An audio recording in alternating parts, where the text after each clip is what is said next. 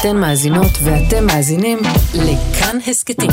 כאן הסכתים, הפודקאסטים של תאגיד השידור הישראלי.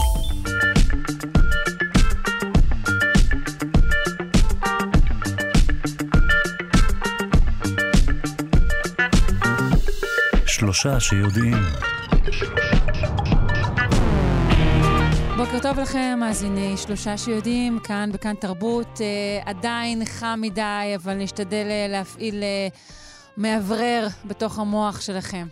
את השעה השנייה נקדיש היום אה, לתחום המרתק, שמצליח, אני חושבת, לבאר אולי יותר טוב מכל את התקופה הבאה אנחנו נמצאים. אה, זה פסיכולוגיה חברתית, זה כאמור אה, בשעה השנייה. בשעה הראשונה אה, נעסוק ביריבויות בין זמרים, אה, בדמותם האפשרית של חייזרים. נחנוך כאן אה, פינה חדשה ומובטחת, היסטוריה ופילוסופיה של המדע. נזכור את ההשפעה האפשרית של המהפכה המשפטית על הסביבה, וגם נבין כיצד השפה בה אנו מדברים משפיעה על תפיסת המציאות שלנו.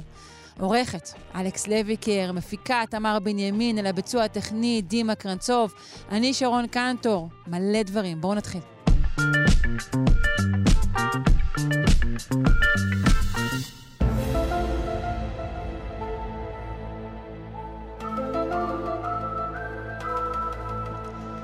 נגיד בוקר טוב לדוקטור ארז גרטי, ראש תחום תקשורת המדע במכון דוידסון לחינוך מדעי. מה העניינים?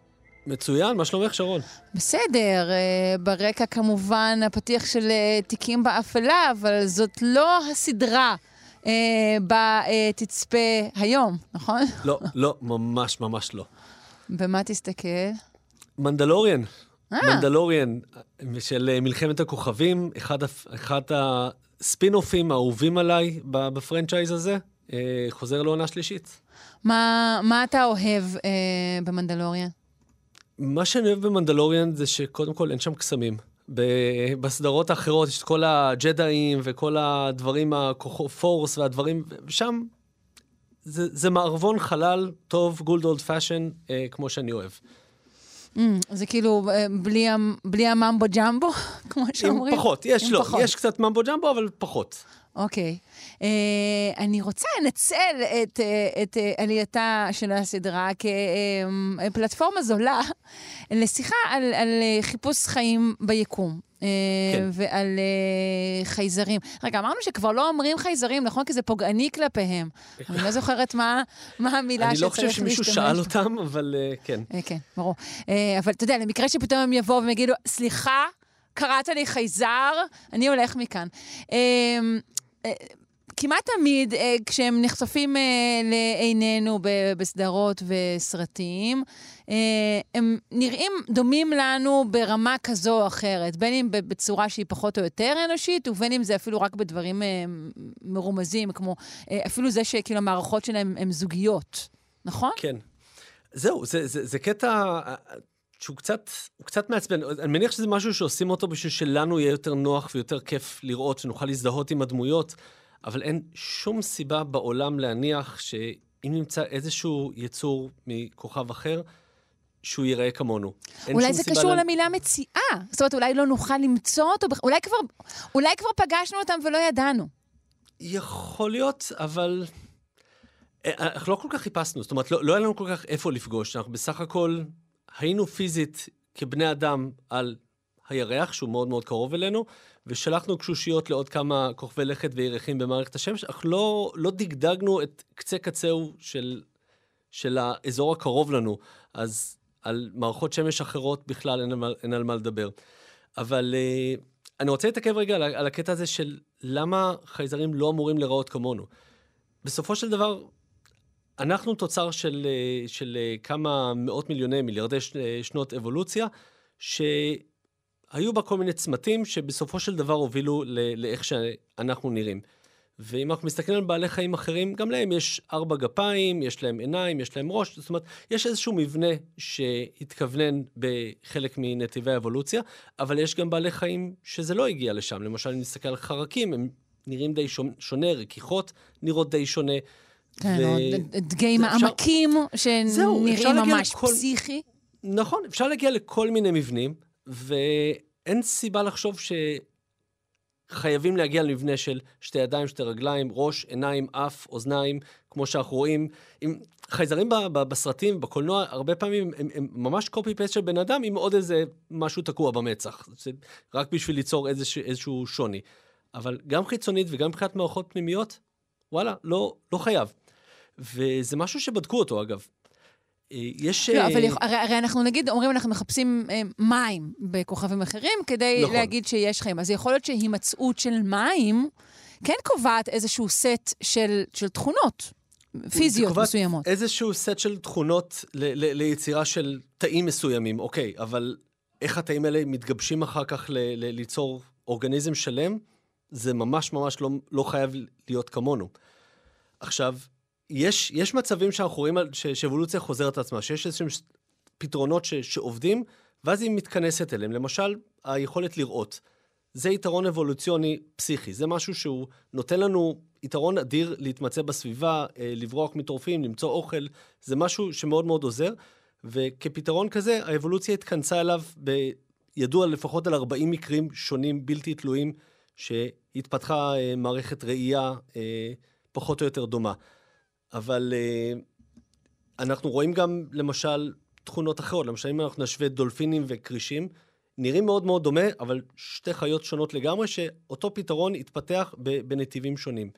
כן, ואנחנו רואים אז- חיות שבאמת גם לא רואות. אה, שוחחנו נכון. בשבוע, אה, השבוע על, על החולד העירום. למשל, חיה הוא- מגניבה. חיה מגניבה, דיברנו, דיברנו עליו עם ורד. אז הוא, אין לו צורך לראות, והוא לא רואה. נכון. אז יכול להיות שיצורים בכוכבי לכת אחרים, יהיו להם איזשהם פיצ'רים ש, שגם לנו יש, אבל כל הקונסטלציה הזאת, שזה נראה בדיוק כמו בני אדם, ממש ממש ממש לא סביר. אבל זה יכול להיראות גם ממש... זה יכול גם לא להיראות, יכול לצורך להיות גוש העניין. ג'לי רוטט, זה יכול למשל, להיות כן. תמנון, זה יכול להיות כל מיני דברים מאוד מאוד שונים מאיתנו, הם לא, לא חייבים לנשום אוויר, הם יכול להיות שהם ינשמו משהו אחר, יכול להיות שהם, אה, שהתקשורת שלהם לא תהיה על ידי קול, אלא בעזרת איזשהו משהו, לא יודע. האמת, סיפורי המדע הבדיונים מלאים בדוגמאות לסוגים שונים של יצורים שיכולים להתקיים בכל מיני מקומות. ולכן באמת, גם כשאנחנו מחפשים, אנחנו מחפשים משהו שהוא דומה למה שיש בכדור הארץ, ווואלה, יכול להיות שזה לא... שאנחנו לא מחפשים את הדבר הנכון. כן. האם יש איזה שהן תכונות שהן כן הכרחיות? בוא נגיד, כן, נגיד אם אנחנו נשארים על כדור הארץ, למשל תזונה כשלעצמה, אה, אז, היא אז דבר יש את הכרחי. הסימן... תזונה, הש- השאלה איך את מגדירה תזונה. את, צריכה איזשהו חומר דלק שייתן לך אנרגיה, אנרגיה, כן, נכון, אנרגיה, אנרגיה. וש, ושיעזור לבנות אותך בשביל שתוכלי אחרי זה להת, להתקיים ולהתרבות ולקיים את כל אה, פעולות החיים השונות. אז צריך שתהיה את היכולת לייצר אנרגיה. אז יש, דרך אחת זה לאכול, אבל יש גם uh, פתרון אחר שצמחים מצאו, כמו למשל לעשות פוטוסינתזה, לקחת אנרגיה של אור. כן. בדיוק, מהמם. לספוח אור, אנרגיה של אור ביחד עם פחמן דו-חמצני ו- ולייצר סוכרים שמהם מהם הוא ניזון. הוא עדיין צריך ל- אה, לאסוף, לאסוף דברים מהאדמה בשביל לעזור לבנות את עצמו, אבל אכילה לבד זה לא, זה לא הכרח.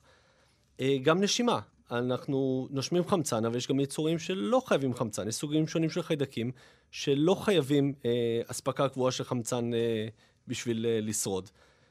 אה, אז גם זה לא must, ויכול אבל, להיות אבל כן צריך להיות איזה רף מינימום, שנגיד, אוקיי, אבל כן, אלו חיים תבוניים אחרים. הרי מתחתיו זהו. אולי פשוט לא נגדיר את זה כחיים. אז זהו, אה, אז אני חושב שאחת מהגדרות היסוד לזה ש, שמשהו חי, זה שא', שהוא יוכל להתרבות, אבל אה, ב', שהוא יקיים אבולוציה, שהוא יוכל להתפתח לאורך זמן. וזה באמת אחת ההגדרות הבסיסיות שעומדות אה, בהגדרה של מה זה חיים כמו שאנחנו מחפשים אותם. חיים שיכולים להמשיך להתפתח ולהתאים את עצמם לסביבה, אה, כי אחרת הם, הם פשוט יחדלו להתקיים. תגיד, אתה יודע קצת, אני לא יודעת כאילו כמה, אמרנו, התחלנו בזה שאתה רואה את אה, מנדלוריאן, אני לא יודעת כמה אתה רואה עוד דברים. נגיד, יש, יש התייחסויות בתרבות הפופול, הפופולרית בין היחס בין המראה של החייזר, של החוצן, לבין תנאי השטח מהם הוא הגיע? אז יש, יש הרבה פעמים התייחסות, וזה, וזה אגב תרגיל מחשבתי שאני אוהב לעשות עם, אה, עם תלמידים אצלנו במכון דוידסון, אה, שלקחת, להסתכל על חייזר, על איך הוא נראה, ונדמיין כאילו הוא קיים במציאות, ולנסות להבין מה הסביבה שממנה הוא מגיע. אז אה, אחת הדוגמאות ש... ש... שאני אוהב היא הדוגמה של גרוט ממרוויל, העץ המדבר. כן. מדבר, בואי, הוא אומר רק I am גרוט, אבל בסדר. העץ המדבר, ולהתחיל מהשאלה של האם הוא צמח או חי. וזה לא שאלה שמובן מאליו, כי הוא נראה כמו צמח, אבל מצד שני הוא הולך, הוא... הוא... זאת אומרת, הוא הולך, הוא מדבר, יש לו כנראה מערכת עצבים, זה מודל שאני, שאני ממש לא פוסלת ל, ל, לחייזרים, המודל הזה. לגמרי. ואז יכול להיות שהוא לא באמת צמח, אלא בעל חיים שמסווה את עצמו כמו צמח בשביל לטרוף או בשביל להגן על עצמו מטורפים, אז מה שכן, הוא מגיע מסביבה מיוערת, זה, זה כנראה שכן. אה, דוגמה אחרת זה יודה ממלחמת הכוכבים. יצור קטן וקופצני. אה, יכול להיות שהוא מגיע מכוכב לכת שהוא עם מסה יותר גדולה, הכבידה שם יותר חזקה ולכן הגודל הממוצע שלו הוא קטן יותר. יכול להיות לחליפין שהוא נמצא באזור שיש בו הרבה טורפים, אז הוא צריך אה, למצוא את הדרכים להסוות את עצמו ולהיטמע בסביבה שלא, שלא יטרפו אותו. הצבע הירוק שלו, יכול להיות שזה מגיע כתוצאה מפוטוסינתזה, שהוא מייצר עבור עצמו אוכל, ואז הוא לא, יכול, לא צריך באמת לאכול. יכול להיות שזה מגיע אה, כאמצעי הסוואה. אנחנו אפשר לדון על זה, באמת, אה, לקבל אה, כל מיני רעיונות לגבי איך נראית הסביבה רק על פי המראה שלו. ונגיד כשעושים אה, לחייזרים, אתה יודע, אצבעות אה, ארוכות כאלה, צפרדעיות, אז, אז, אז על, על מה זה לכאורה מעיד? אם יש, אם יש לו באמת קרום, אם יש לו באמת קרום בין האצבעות, זה משהו שיכול להעיד על יכולת שחייה. Mm-hmm. אה, ואם ראש לו... האצבע מוגדל, מוגדל כזה? מוגדל כזה ו- וזוהר כזה כמו איטי. וזוהר כזה, כמו איטי, כן. אז כנראה שהוא רוצה להגיע הביתה. אנחנו צריכים לעזור לו בזה.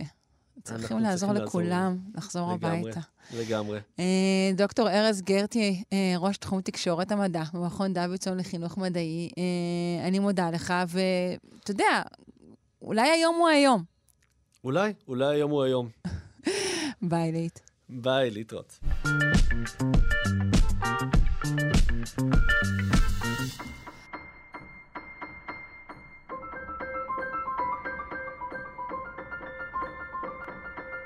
אה, איזה כיף לנו. אנחנו חונכים היום פינה חדשה אה, לה אנו מייחלים אה, תקופה ארוכה למדי. אה, זו פינה שתעסוק בהיסטוריה ופילוסופיה של המדע. אנחנו נבקש בפינה הזו בעצם לחזור אל אבני הבניין של המדע, כלומר אל ההתבוננויות הראשונות בעולם ובטבע, אל הניסיונות הראשונים, כמובן אלו שידועים ומתועדים, לכונן את מה שאנחנו מגדירים כחשיבה מדעית. נשאל אילו שאלות נשאלו, ננסה להבין אילו תשובות ניתנו.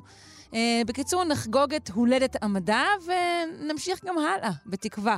Uh, מי שיסייע לנו uh, בשבילים האלו, בפסיעה בהם, הוא נתי קופפר, הוא מרצה להיסטוריה ופילוסופיה של המדע בפקולטה לחקלאות, מזון וסביבה של האוניברסיטה העברית. שלום. שלום רב. היי, uh, שמחים מאוד. תודה רבה כבר, מבעוד מועד. אני גם שמח מאוד. הגיע הזמן. ממש הגיע הזמן. פילוסופיה של המדע, היסטוריה של המדע. נושא קצת מוזנח. נכון, קצת מוזנח. כלומר, עוסקים הרבה מאוד uh, במדע עצמו. אני חושבת ש... Uh, אני לא זוכרת תקופה שבה כל כך הרבה אנשים התענגו כל כך על, על, על מדע ומחקרים. אפילו אפשר, לפעמים אומרים, אתה יודע, קצת uh, בגנאי מדעיזם uh, של החיים. uh, אבל על, ה, על הבסיס מדברים פחות. נכון, והבסיס הזה הוא לא רק אה, להבין את המקורות ההיסטוריים, זה לא משהו אה, שאבד עליו הקלח, הוא לא רק עניין אה, אקדמי גרידא, הוא בעצם, אה, אם אנחנו מבינים את הבסיס, אנחנו מבינים הרבה מאוד לגבי המדעיות שלנו, לא רק בעבר, אלא גם בהווה, על המשמעות של מדע כפי שהוא נעשה עד היום, ובשביל להבין את זה צריך גם לחזור אחורה, אפילו אלפי שנים. אוקיי. אז אתה יודע מה? בוא פשוט נחזור אחורה אלפי שנים. יש איזו נקודה שבה אנחנו יכולים לומר, כאן ועכשיו נולד המדע או החשיבה המדעית? כן, התשובה היא אה, חיובית. אה, אנחנו נוהגים לומר, מקובל לומר, שהמדע, כפי שאנחנו מכירים אותו, מתחיל במשפט של טאלס, אה, הוגה וחוקר אה, טבע יווני מהמאה השביעית לפני הספירה, אה, שאמר, הכל מים. הכל מים. קודם כל, כל, הוא, הוא פילוסוף, מה שנקרא קדם סוקרטי, נכון? נכון. אה, למה הוא נקרא קדם סוקרטי? הוא לא רק הוא, הוא ועוד הרבה, כן. שם קצת מעליב, קדם סוקרטי. אבל זה, זה כמו להגיד לפני הספירה, זה בסדר. נכון.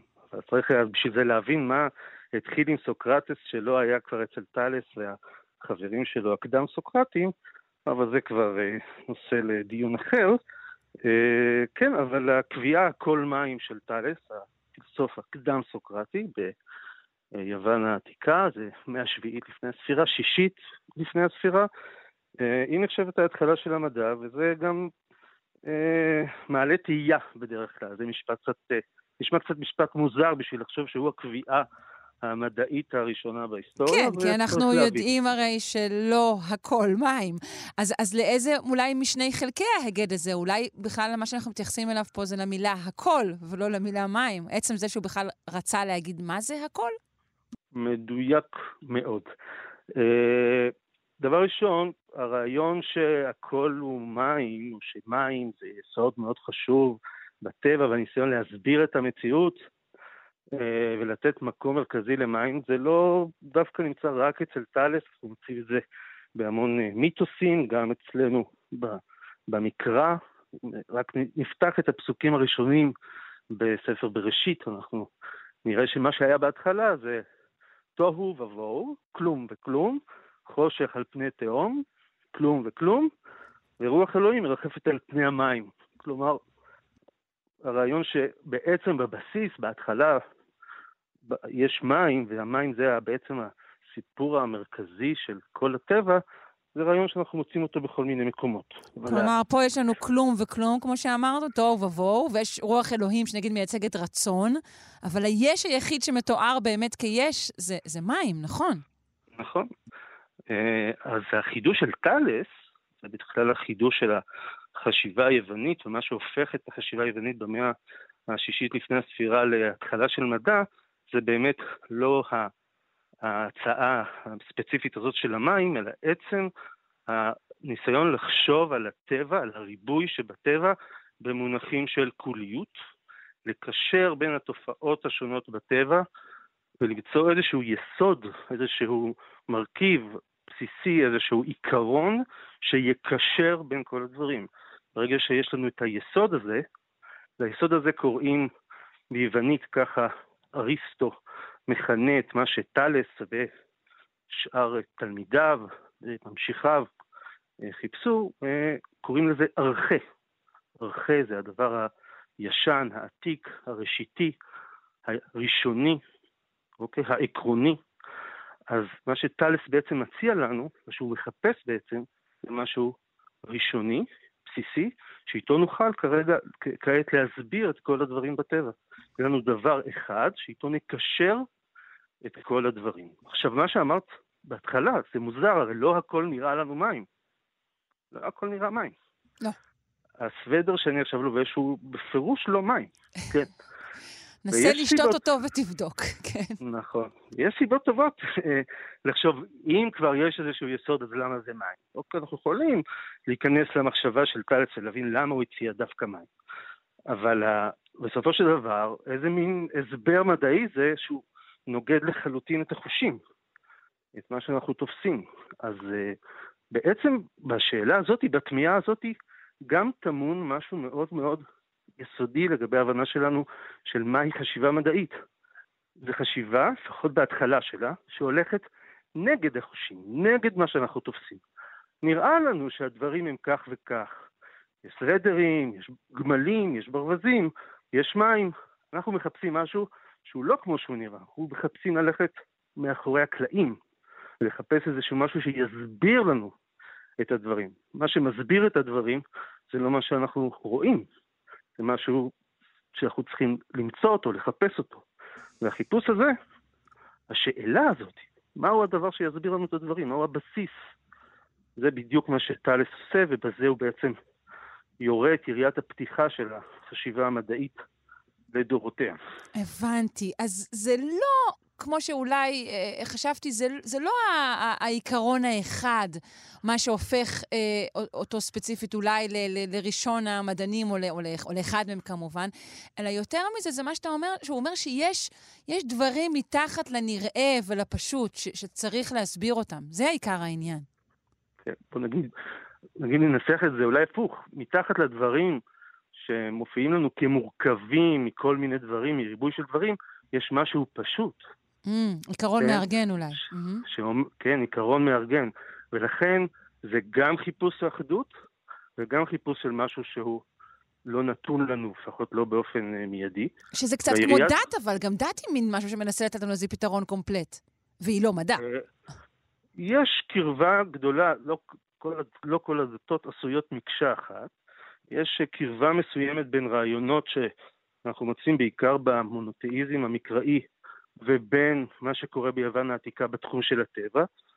אנחנו קוראים למעבר הזה אה, שמתרחש שם ביוון, מעבר ממיתוס ללוגוס, מתפיסה מיתולוגית, הדרך של המיתוס לתאר את הטבע, את הדברים, לתפיסה לוגית, אוקיי? זה בעצם מה שטלס עושה, וצריך לומר, מעבר מקביל, אנלוגי, למעבר הזה מתרחש במובן מסוים גם בעולם הדתי, פה אצלנו, באזור שלנו, במעבר מתפיסה פוליטאיסטית של ריבוי אלים לתפיסה של אל אחד, עיקרון מוסרי אחד, נורמה אחת שמחייבת את כולם.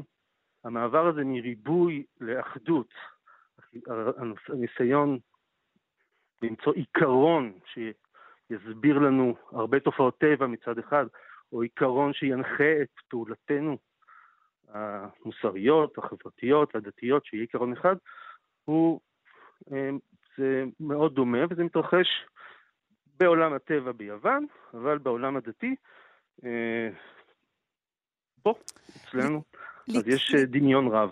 לקראת סיום, טלס, כאילו שוב, בהתחשב, אתה יודע, בהיסטוריה כולה, הוא לא היה כל כך מזמן. אנחנו לא יודעים פשוט אה, מספיק על, על מחשבות אה, קדמוניות יותר? אנחנו, יודע, אנחנו, אנחנו יודעים, דבר ראשון, שידע, ידע כימי, ידע ביולוגי, ידע פיזיקלי, ידע מתמטי, או יותר נכון ידע חשבוני, היה קיים, ובגדול, אה, גם הרבה לפני טלס, בתרבויות אחרות. כן. אבל מה שאנחנו, מה שקורה זה לא הידע, אוקיי? שפתאום מתרחב ומקבל איזו תפנית אה, משמעותית אה, עם היוונים במאה השישית, אלא נוצר מדע, יש הבדל בין ידע למדע. מדע זה בדיוק הרגע שבו הידע מתחיל לקבל איזושהי צורה סיסטמטית, שיטתית, ויש מתודה ו, וצורת חקירה, ואת הצורת חקירה הזאת, כן, הניסיון הזה להעמיד עיקרון, לחפש דרכים, איך מוצאים את האחדות שבריבוי. איך חושפים את היסוד או את העיקרון שעומד בסיס כל הדברים? הדבר הזה זה משהו שאנחנו מכירים אה, רק אה, אה, מטלס, וזה גם לא עבודה רק של טלס, זה כמובן עבודה משותפת שיש, של תהליכית, טלס מציע דבר אחד, הוא מציע מים, תלמיד שלו מציע חומר אחר, בלתי מוגבל הוא קורא לו, תלמיד של התלמיד שלו מציע את האוויר, אחר כך ממש מהר יציעו, יציעו הצעות כמו שהכל זה בעצם סדר מתמטי, יציעו הצעות שהכל זה בעצם אטומים בלתי ניתנים לחלוקה, יהיו המון המון הצעות, והתהליך וה, הזה של דין וחשבון, של דור אחר דור, אוקיי? ששואל מהו היסוד שעומד בבסיס הכל, זה בעצם המדע. לא הידע, אלא זה הניסיון, החתירה המתמדת לסיסטמטיזציה של הידע ולמתודולוגיה של חקירה, אה, שהיא חיפוש מתמיד, ואת זה אנחנו רואים כמתחיל עם טלס שם במאה השישית, לפני הספירה. נתי קופפר, אה, מרצה להיסטוריה ופילוסופיה של המדע בפקולטה לחקלאות, מזון וסביבה של האוניברסיטה העברית. אני מודה לך מאוד, ואנחנו נמשיך אה, בשבוע הבא, אם זה מקובל עליך. מקובל. נהדר, תודה רבה, ביי. להתראות.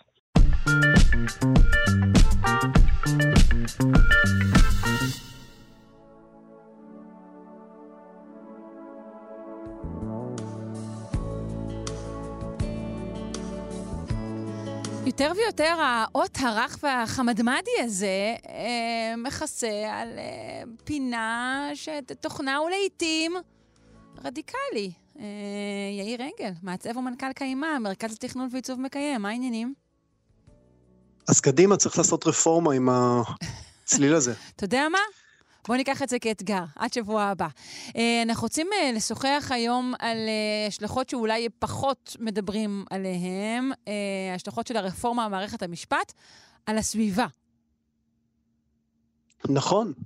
בעצם כולם מדברים על הרפורמה המשפטית מהבוקר עד הערב, ומה עם החיים עצמם? איך זה קשור לנושא הבריאות שלנו, בריאות הציבור, הסביבה והקיימות? אה, קודם כל זה כבר נורא מעיק לנו על הלב, זה בטוח. לבריאות זה לא עוזר.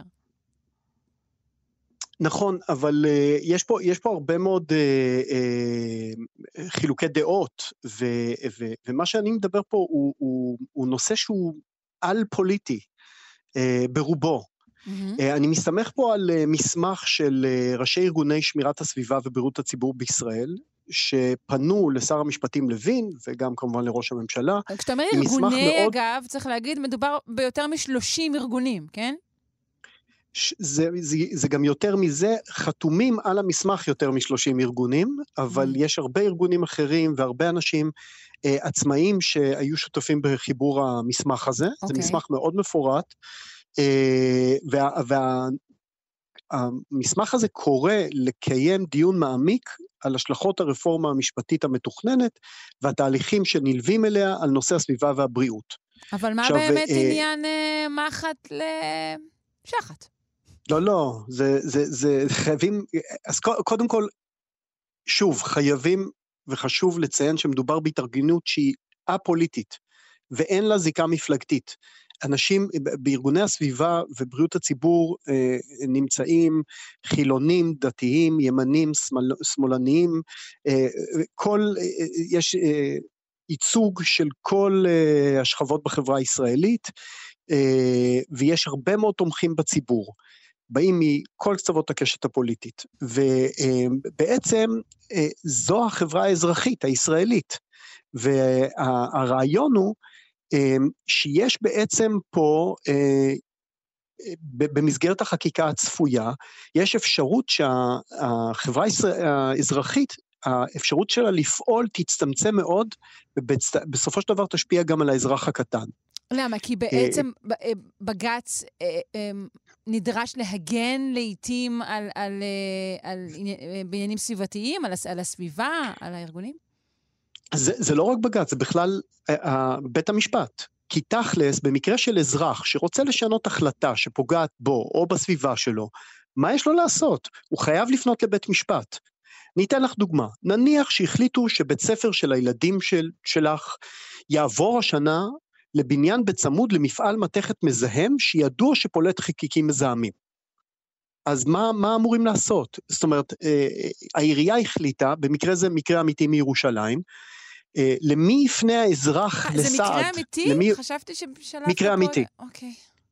מקרה אמיתי, ובית המשפט קבע שעיריית ירושלים לא יכולה להכניס ילדים לבניין צמוד למפעל מתכת מזהם. אוקיי, אוקיי. אה, או, או למשל, אה, אה, החליטו לבנות לך מפעל פטרוכימי ליד הבית. מה את אמורה לעשות? אלה לא הדברים שאת ואני וכל המאזינות והמאזינים מצביעים להם לכנסת, אלא הזכויות הכי בסיסיות שלנו זה, כאזרחים, זה בגלל, אין לנו אפשרות לחכות. זה בגלל שהעתירות הללו נשענות במידה לא מעטה על עילת הסבירות? זה נובע מזה? גם על עילת הסבירות וגם על הזכות שלנו לפנות לבית המשפט. אנחנו לא יכולים, כשאנחנו בוחרים ב, ב, בעמדה פוליטית או ב, במפלגה מסוימת או במועמד מסוים, אנחנו לא יכולים לחכות ארבע שנים, או טוב, במקרה שלנו זה קורה הרבה יותר, אבל בוא נגיד שאמורים לחכות ארבע שנים, Uh, עד שהשלטון יתחלף או לא, אלא אנחנו זקוקים לעזרה מיידית, לעצירה של תקלה, ואת זה היום לא יכול לעשות רק בית המשפט. לא מדובר על סגירה של בתי המשפט באופן עקרוני, כן? אף אחד לא מדבר על זה. נכון, אבל אם אבל זה אה, צמצום הפנייה לבית המשפט היא בעייתית, והיא לא תאפשר פנייה כזאת. היום בית המשפט ובית המשפט העליון פונה ויכול לעצור החלטות כאלה, ו- ועוד פעם, לא מדובר פה החלטות של ימ- שמאל וימין, אלא החלטות יומיומיות שמאות, צריך לשים לב, מאות כאלה מתקבלות מדי יום במשרדי הממשלה, וזה קשור למשל לחוק היועמ"שים. כי יועצ, היועצים המשפטיים של הממשלה, של משרדי הממשלה, אמורים להיות נציגים אה, לא תלויים בעמדת השר, הם אמורים לייצג את הציבור, ולא יכולים לייצג את עמדת השר. השר הוא אה, רוצה להעביר החלטות, ודווקא היועץ המשפטי אה, אמור להיות זה שבודק את ההשפעה של ההחלטות האלה על היומיום, על הסביבה, על הדורות הבאים. אה, צריך, צריך להבין פה שמדובר בתפיסה כוללת. אה, אה, שוחחתי לקראת הפינה עם אה, עורך דין אסף רוזנבלום, שהוא מנהל המחלקה המשפטית של החברה להגנת הטבע, לפני כן עבד בארגון אדם טבע ודין, ארגון שפועל המון למען הסביבה ו, וההחלטות המשפטיות. כן, שאחראי להצלה של ב... הרבה מאוד דברים. Mm-hmm, כן. נכון, והוא האיר את עיניי בכמה עניינים עקרוניים. צריך, כשמדברים פה על הרפורמה, יש בה כל מיני רכיבים. חלק מהם בכלל לא ידועים כרגע. אין איזושהי הצגה של הרפורמה בתור רפורמה שלמה, אה, אלא אה, בתור חלקים, חלקים שונים וכל מיני חקיקות. וצריך בעצם להסתכל על ההשפעה של המכלול. מהי ההשפעה הסינרגטית, השלילית, שיכולה לקרות בכזה דבר. ברגע שאי אפשר לראות את הרפורמה בשלמותה, קשה לתפוס את התפיסה כולה. לא רק לנו האזרחים, גם למחוקקים עצמם. אה, אין פה פרטי פרטים ולא רואים את התמונה השלמה. כן. אני רוצה שכן נתייחס, אבל בזמן כן. המועט שנותר לנו, לנושא שנקרא זכות העמידה. שזה בעצם מה, ש, מה שמאפשר, נכון, לארגונים לייצג גם, גם, גם גורמים שלכאורה אין להם ייצוג, גורמי טבע כשלעצמם. נכון. אני אתן שתי דוגמאות בדיוק בנושא של זכות העמידה, אני, אני אנסה, ל, אה, זה בעצם הזכות לפנות לבית המשפט, אני אנסה לעשות את זה ממש בקצרה. אה, אה, מקרה אמיתי, אפולוניה, המדינה החליטה לבנות שכונות מגורים במקום, איזה יופי, אזור ממש מקסים. יש רק בעיה קטנה, שהיא בעצם בעיה ענקית, במקום הזה שכנו במשך המון שנים מפעלים ביטחוניים, שזיהמו את האדמות בצורה קשה מאוד. עכשיו, המדינה החליטה כבר לבנות שם שכונות מגורים, המקום הזה מזוהם.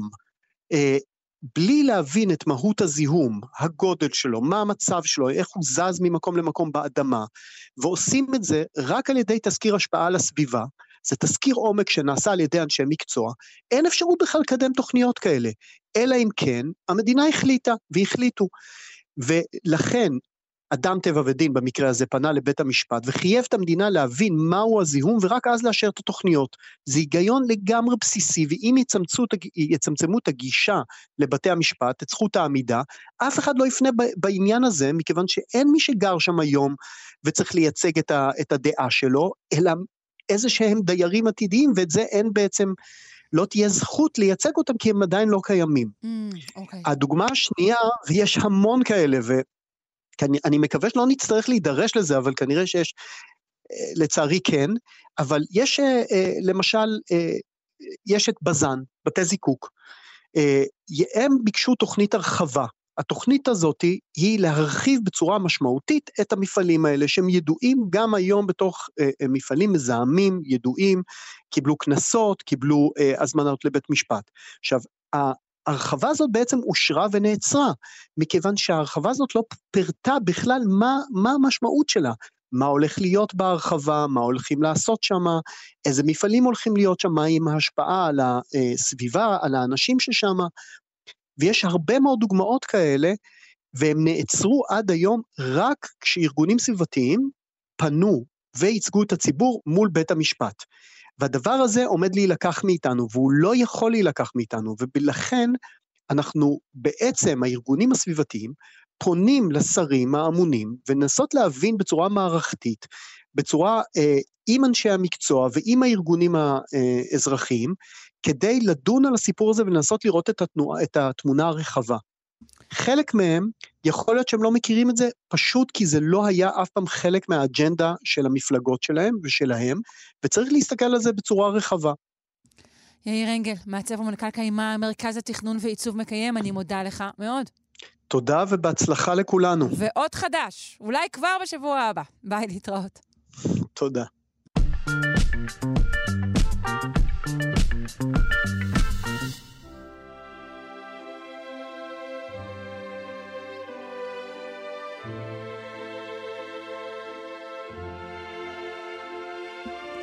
לאחר שנודע שקובי פרץ הזמין את חנן יובל אה, להופיע איתו יחד, ושניהם מפנים גב לניסיונות החרחור, אה, אה, שאולי גם היו מסייעים להם אפילו לקריירה, מי יודע. אה, בכל זאת, אנחנו רוצים לשוחח כאן על יריבויות אה, בין זמרים, וזאת כמובן בפינתה של רונה ישראל קולט, ווקולוגית ומורה לפיתוח קול במכללת לוינסקי לחינוך מוסיקלי.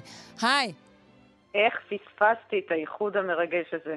דווקא שם לא... עוד, עוד תוכלי להגיע להופעה, כרגע זה רק אגיע, ברמת התקשורת. כן, נו, אבל זה בהחלט מעלה את הנושא של עוצמת ההזדהות שניתן לחוש עם זמר אהוב, וה...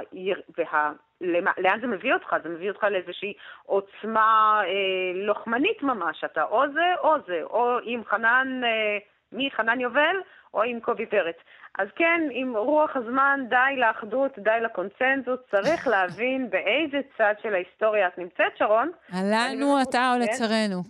כן, אני רוצה לדעת, אה, לברר אחת ולתמיד, האם את בצד של אלוויס או בצד של קליף, מריה קאלאס, רנטה טבלדי, את תצטרכי להחליט, זהו.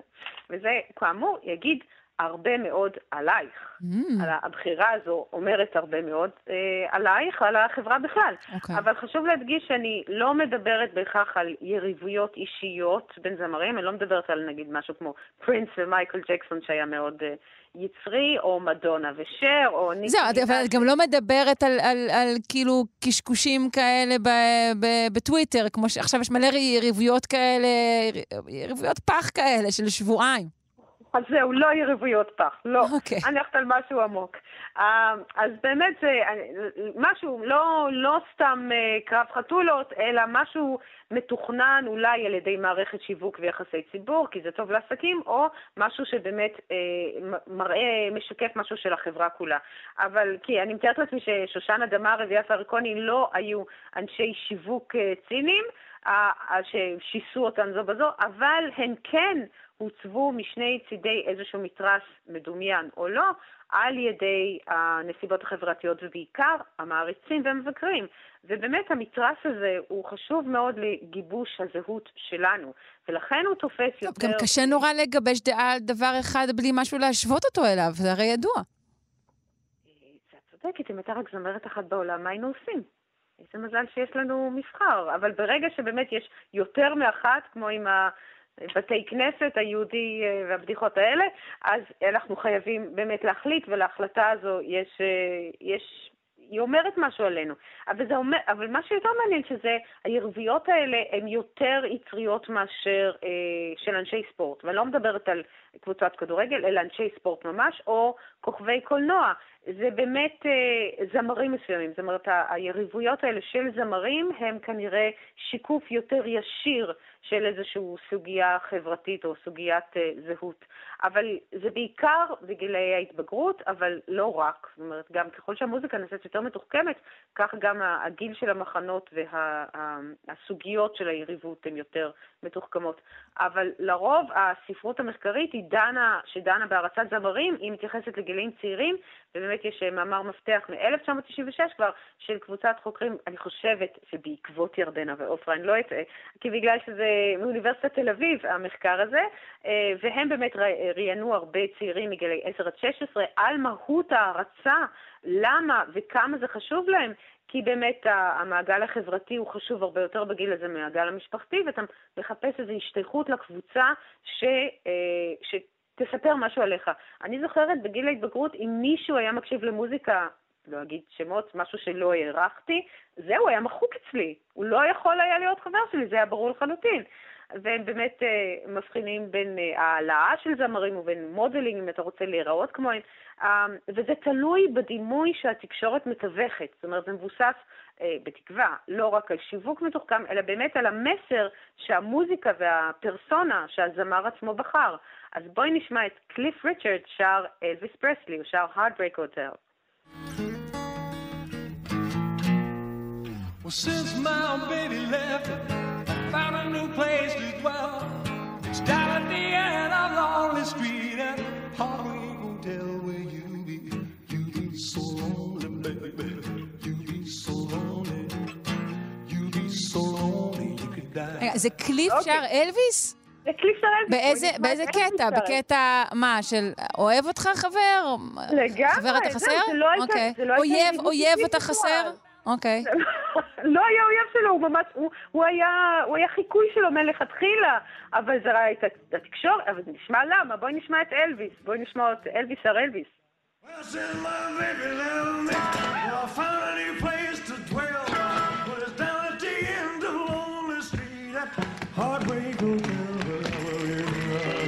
שרון, את צריכה להחליט, אבל תראה, אם קליפ ריצ'רד... אין לי שאלה, אין פה שאלה. אוקיי. אז uh, המחנות שנוצרו אצלהם בתקופה ההיא, שנות ה-60, זה די שיקף את האדם שעמד בראשם. קליף ריצ'רד תמיד היה ילד טוב, נוצרי מאמין, נקי, מסודר, דואג לאימא, שומר על תזונה נכונה, והתכנים המוזיקליים מרגיעים ומנחמים, שמרנות ופוריטניות בהתגלמותם. כן, זהו, הוא נשמע קצת כמו איזה מין אלוויס רגוע, בעוד שאלוויס נשמע כמו, אה, אה, כמעט כמו פרודיה היסטרית על, על מהות האלוויסיות באיזשהו כן, אופן. כן, כן, זה באמת מופע, זו הופעת הקאמבק שלו, שהוא, אה, כשהוא לבוש אור, הוא פשוט מדהים שם, אחד הגברים היפים ביותר אה, בהיסטוריה, עם קול מדהים, אבל קליף באמת יש לו חוש הומור משובח, אבל הוא שומר על חיים פרטיים, הוא למעשה הוא אומר לקהל שלו, אם יש לכם מה שנקרא יצר מיני, ומבחינתי זו רק שמועה, אני כאן כדי להרגיע אותו. אז הצד השני זה אלוויס, כאילו רק, רק פותח את הפה, אז תגידי לה פרודיה, אבל הוא למעשה כל כולו נועד לשלהב את היצר. ברור, מה, אין, די, אלוויס זה מספר אחד, רון, אין מה להמשיך בכלל את הדיבור. לסגור את. מספר הטלפון שלו, כן. אז, אז באמת, אבל זה, ברוב העמוק יותר, אה, החיקוי הבריטי זה תגובת נגד לפלישת היצרים האמריקאית. יש לנו פה ערכים של האימפריה המתפוררת, אה, של תרבות ההורים, עם הקול של תרבות הנוער שפשוט נוגסת. זה, זה ממש ה, ה, הדור החדש שנוגס בדור הישן. זה ממש המהות של היריבות הזו. והוא מעלה על פני השטח את, את, את מה שקליף מדחיק. זאת אומרת, ההזדהות עם אחד הכתבים המנוגדים האלה מלמדת עלייך. זאת אומרת, לא, לא אמרתי אלוויס, אני אגיד, אוקיי. ברור שאני אלוויס, מה אני יכולה להיות? אתה יודע, אנחנו מכירות כבר די טוב. כן, אז אה, אבל כאמור זה לא רק לבני הנוער, או, או רק לילדות צורכות, זה עולם המוזיקה הקלאסית גם חווה יריבויות לאורך ההיסטוריה, ובשנות ה-60 של המאה הקודמת זה היה ממש יצרי וממש תפס הרבה נפח תקשורתי בין מריה קאלאס ורנטה טבלדי. בואי נשמע אותן.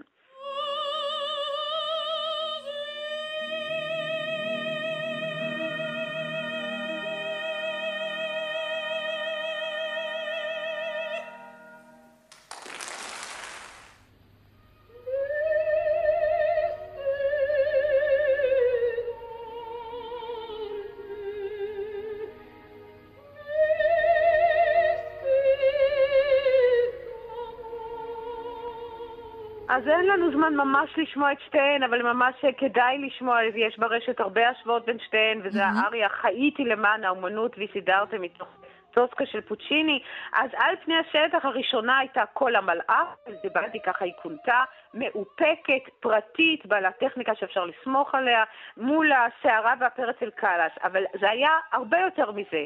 טבלדי איטלקייה טובה מפזרו. זאת אומרת, האיטלקים הם הביאו לעולם ושלטו בז'אנר האופראי כמעט 400 שנה, ומול הפולשים, מריה קאלאס אמריקאית ממוצא יווני, כולה עצב חשוף, יצר, רגש בוער.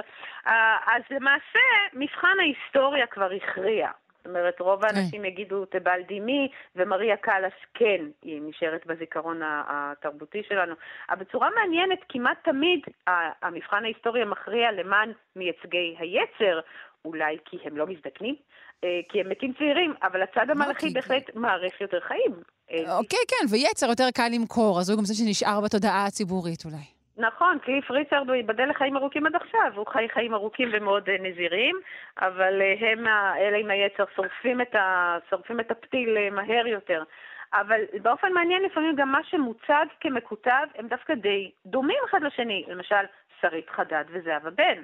זאת אומרת, כאן אני חושבת שבאמת היריבות היא כן, באמת זה- מדברת זה- על מה שהכל... זה מראות דומות בעינייך? פה אני חייבת לחלוק, אבל אבל- אבל הפינה היא שלך, אז את קובעת. לא, לא, תחלקי, אני... אה, כן, הן לא דומות. לא, אה, גוון זה- הקול שלהם שונה מאוד בעיניי. אז בדיוק, היריבות כאן מדברת על מה שהכל עושה לך, אם זה מרים לך את המתג בנפש או לא, כי מבחינה של למעשה המעטפת, או מאיפה הם באו בחברה, מה הן מייצגות בחברה, הייצוג שלהם הוא לא כל כך מקוטב אחת לשני, אה, אלא באמת, כאן היריבות לדעתי היא באמת אה, מה שהכל עושה לך, מעבר למעטפת של הפימפום התקשורתי או הדימוי שהן מוכרות. ומה שבאמת, אני חושבת שמה שמעניין זה באמת קשה למצוא כאלה שאוהבים את שתיהן. או היא מרימה לך את המתג, או היא. את יכולה לשאול מי עושה לך את זה, אבל אה, אולי את לא רוצה לצאת מהארון השרית חדד זהבה בן. לא, לא, אבל- אני בא להסתבך פה. אני אפילו- אני לא. אפילו לא אגיד בנזין או טיסלאם, זה אני אגיד לך. אפילו את זה אני לא אגיד. לא, אז, אז אה, האמת שאני אהבתי את שניהם, לא יודעת אם... את רואה? הנה, לא צריך היה לבחור. אפשר היה לאהוב. את שניהם. הראשון, אבל קניתי את התקליט של בנזין של טיסלאם לא, למרות שעכשיו אני סופר סופר מעריכה אותם. זה גם עניין של אה, מה לעשות, עכשיו אה, אני יכולה להיות חברה שלך גם אם אה, הרצת את טיסלאם. אבל בואי נגיד ככה, בואי נשמע את שתיהן ונראה שהן למעשה, אין שום יריבות בין שתיהן, זה משהו שאנחנו יוצרים, בואי נשמע אותן.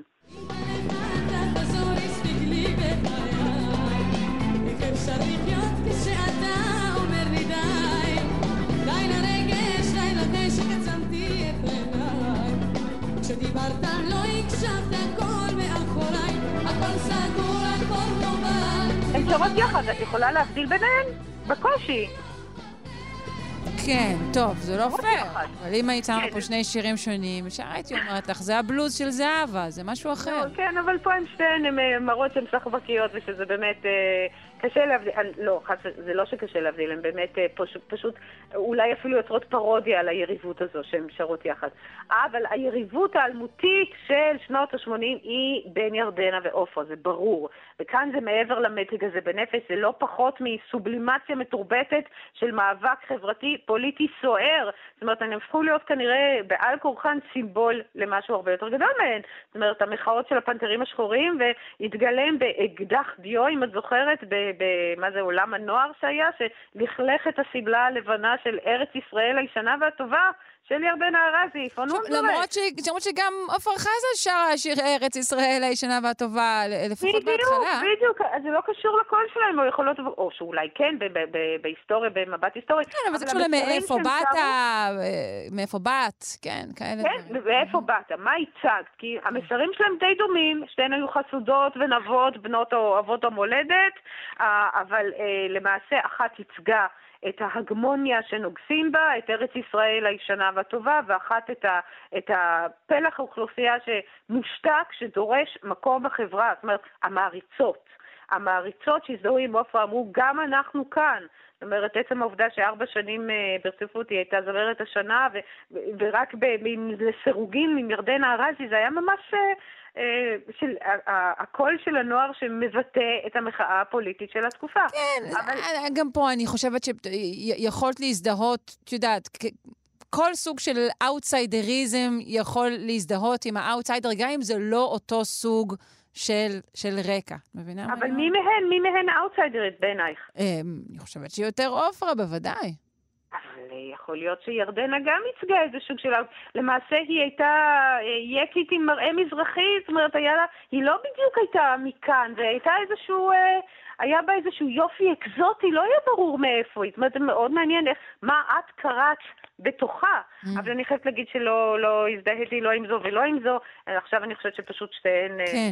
רונה, בואי ננס- ננסה עוד לשמוע כמה הקטע צלילים מהן, הנה, כן, ונודה לך בשלב זה. רונה ישראל קולה. תודה רבה. מה, לא נשמע אותן שרות יחד? נשמע, נשמע, אבל אני צריכה להיפרד ממך קודם, כדי שנוכל לשמוע מהן כמה הנה, שיותר. שרות יחד. תודה.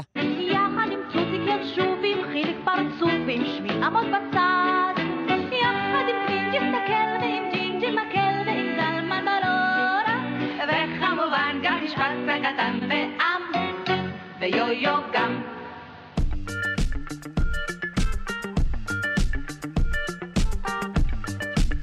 עד כאן השעה הראשונה שלנו, שלושה שיודעים. אה, השעה השנייה תוקדש כמובטח אה, לפסיכולוגיה חברתית. נלמד בין השאר מה הופך אותנו לקונפורמיסטים. וגם מה יכול לשחרר אותנו. אה, זה יהיה מיד אחרי החדשות. עורך אותנו, אלכס לויקר, מפיקה תמר בנימין על הביצוע הטכני דימה קרנצוב.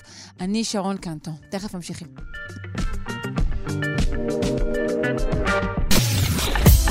אתן מאזינות ואתם מאזינים לכאן הסכתים. כאן הסכתים, הפודקאסטים של תאגיד השידור הישראלי.